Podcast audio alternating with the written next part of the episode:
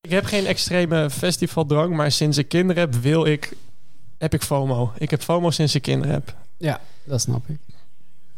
Nou, dan sla je daar mooi mee dood. Dit.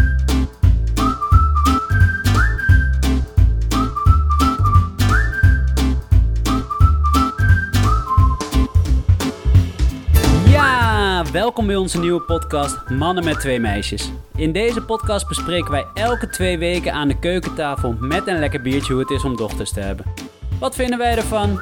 Is het leuk om meisjes te hebben? En denken wij dat het ook leuker is dan het hebben van jongens?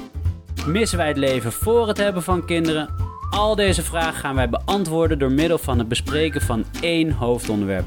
Vaak hartstikke gezellig, maar soms ook iets minder. Oh, het ging over talen, Joost. Ja, ja, ja, het was een directe aanval op mij. Joost die vertelt ons alles over waar hij zich de afgelopen tijd aan heeft geërgerd. Ik irriteer me eigenlijk altijd al alles, dus het is lastig om een keuze te maken.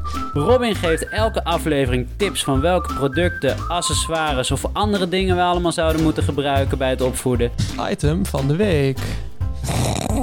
Wat heb En ik ga het hebben over leuke activiteiten die je met je kinderen kan gaan doen. Of juist activiteiten die ik zou afraden. Deze keer heb ik de Beerse Bulten.